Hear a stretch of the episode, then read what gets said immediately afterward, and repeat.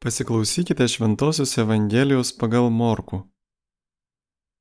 Palikęs Tyros rytis, Jėzus per Sidoną atėjo prie Galilėjos ežero į Dekapolio krašto vidurį.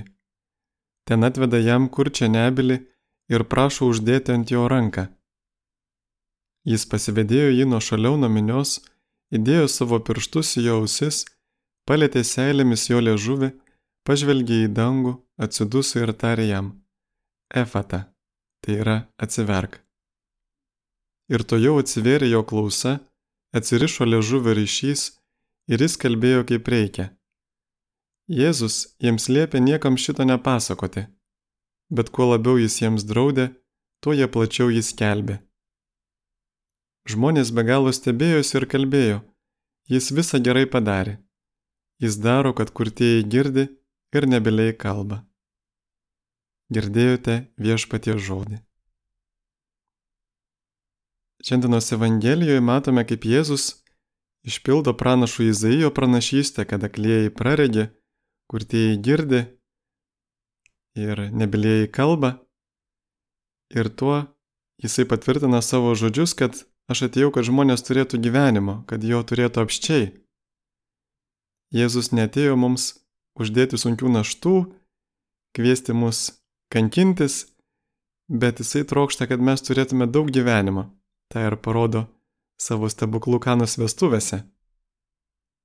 Ir visgi tai nereiškia tas džiaugsmas, kurį teikia šventoji dvasia, Dievo meilės patyrimas, tai nereiškia, kad mes neturime patirti kančios šitam gyvenime. Tai nereiškia, kad Jėzus mus atėjo išlaisvinti iš kančios. Juk Kalbėkime pavyzdžiui apie fizinę kančią, apie skausmą. Jis yra būtinas, kad mes išgyventume. Štai yra žmonių, kurie e, turi apsigimimą, nejaučia jokio skausmo ir jie paprastai vaikšto su daugybė lūžių, savo galūnės nusideginę, nes jie nejaučia jokių skausmų. Taigi skausmas mums yra reikalingas, kad išgyventume. Ir netgi, kada mus apima įvairios kančios, turbūt didžiausia kančia yra būtent nerimo kančia, kada neturime ramybės, nes, kaip sako šventasis Arso klebonas, rami kančia nėra kančia. Ir šventoji Faustina, kada regėjo Jėzų ant kryžiaus, jinai stebėjosi, koks Jėzus ramus, kentėdamas tokią didžiulę kančią. Ir kančios dažniausiai neturime tada, kada neturime meilės, kada yra kažkokia nesantaika. Tai yra ramybės neturime. Nes ramybė neveltui kitose kalbose yra tas pats žodis kaip ir taika. Kada esame taikoje su Dievu, taikoje su kitais žmonėmis mes patiriame ramybę, kada esame nesantokoje, arba su Dievu, arba su nors vienu žmogumi, mums ramybės nematyti. Taip pat kančios pakelimas, patyrimas daro mus jautresnius, gilestingesnius kitiems. Juk labiausiai atjaučiame tuomet, kada patys esame taip iškentėję. Tiesą pasakius, niekas labiau neatstumia žmonių nuo Dievo kaip kančios klausimas. Štai yra pats svarbiausias argumentas prieš Dievo buvimą. Kodėl Dievas leidžia nekaltą kančią žmonių, jau nekalbant apie gyvūnus, ir kartais tokią didžiulę, tokią žiaurę kančią. Argi Dievas nemato, argi jisai negirdi. Ir visgi, kaip pasakoja Fulton Sheen, garsus amerikiečių pamokslininkas vyskupas, kada jis nuvažiuodavo į kalėjimus pamokslauti, spėkite, kokia buvo jo lankomų nuteistųjų mėgstamiausia pamokslų tema. Ogi septyni Kristaus žodžiai ant kryžiaus.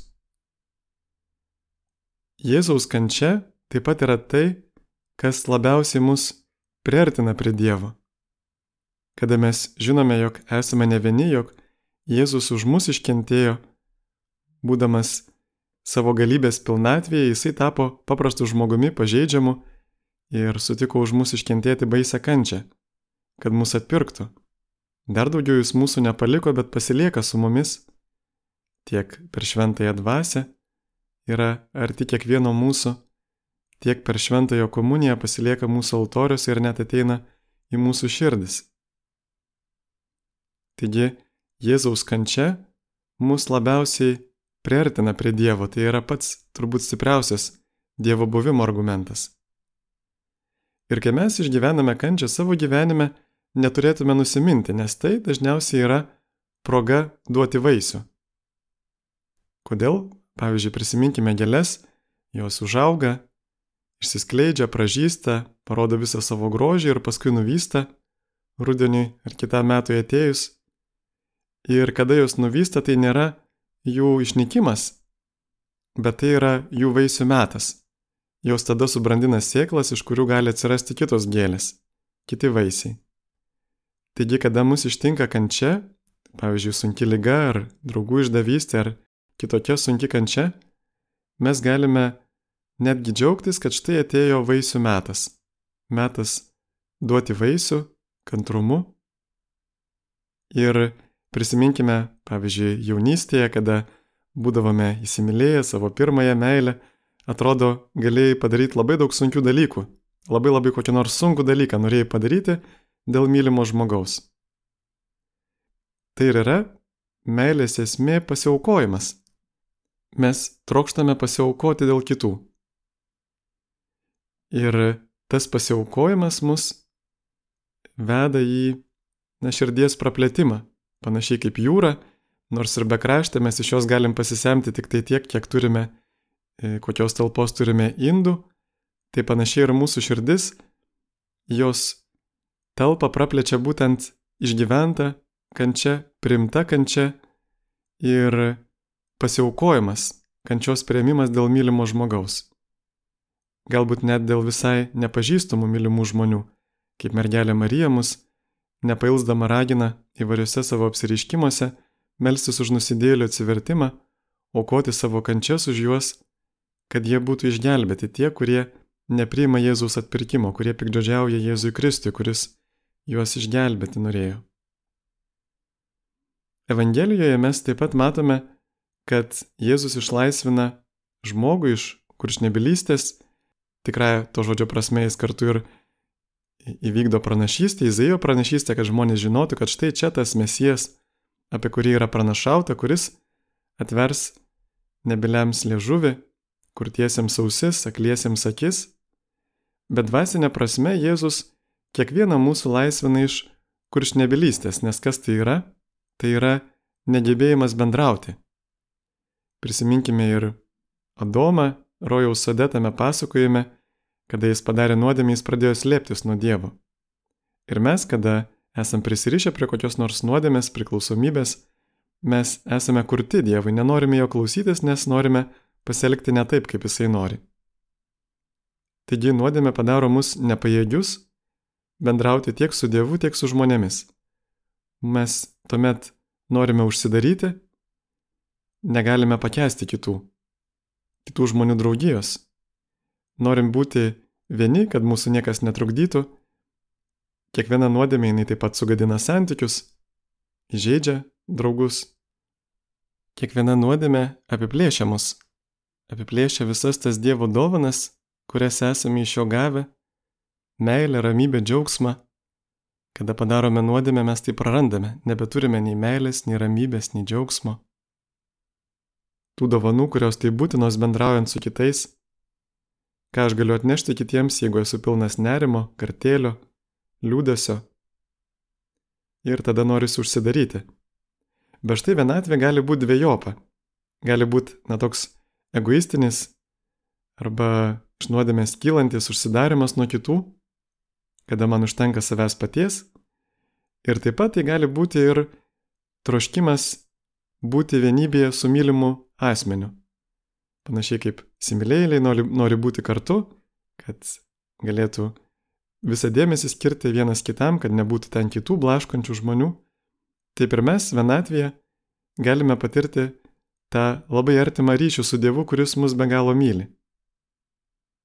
Kaip alfa kurso įkūrėjas Nikis yra sakęs, kad žmogus niekada nesijaučia vienišas tuomet, kada gauna šventąją dvasę. Šventoji dvasia mus veda į santykį pirmą su Dievu, taip pat ir su artimu, kad pasidalintume tuo gėriu, kurį esame iš Dievo gavę, surinkę maldoje. Taigi, Dievas gali viską perkeisti į gerą. Tiek mūsų kančias, jos gali tapti priemonė atsilyginti už savo ir kitų nuodėmės, atsiteisti, kad mums nereikėtų kentėti skaistykloje, dar atsiteisti už savo skolas galime čia žemėje daug greičiau. Taip pat galime atlyginti ir už kitų skolas, ypatingai per kančią, kada mes ją patiriame, kokią nors lygą ar šiaip kokį kentėjimą, juk visada galime aukoti už kokį nors mylimą žmogų. Ir tai ypatingai uždega mūsų artimo meilę. Malda yra ta ugnis, o kančia auka yra tarsi tos malkos, kurios įžiebia meilės ugnį.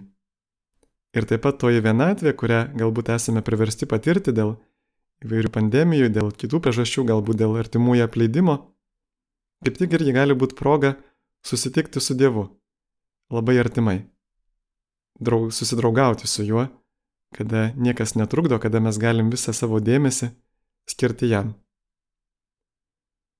Ir taip pat turbūt turėtume labai atsakingai žiūrėti į šitą dovaną, kalbos dovaną, klausimosi dovaną.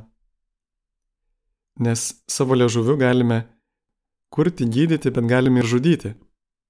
Tad su dėkingumu priimkime ir panaudokime jas geram.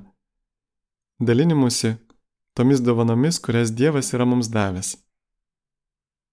Tegul mergelė Marija, mūsų motina, savo užtarimu išprašo mums stiprų tikėjimą, kad kančioje vienatvėje neišsigastume, bet suprastume, kad atėjo metas duoti vaisių, kad dabar galime giliausių būdų vienyti su Jėzumi. Amen.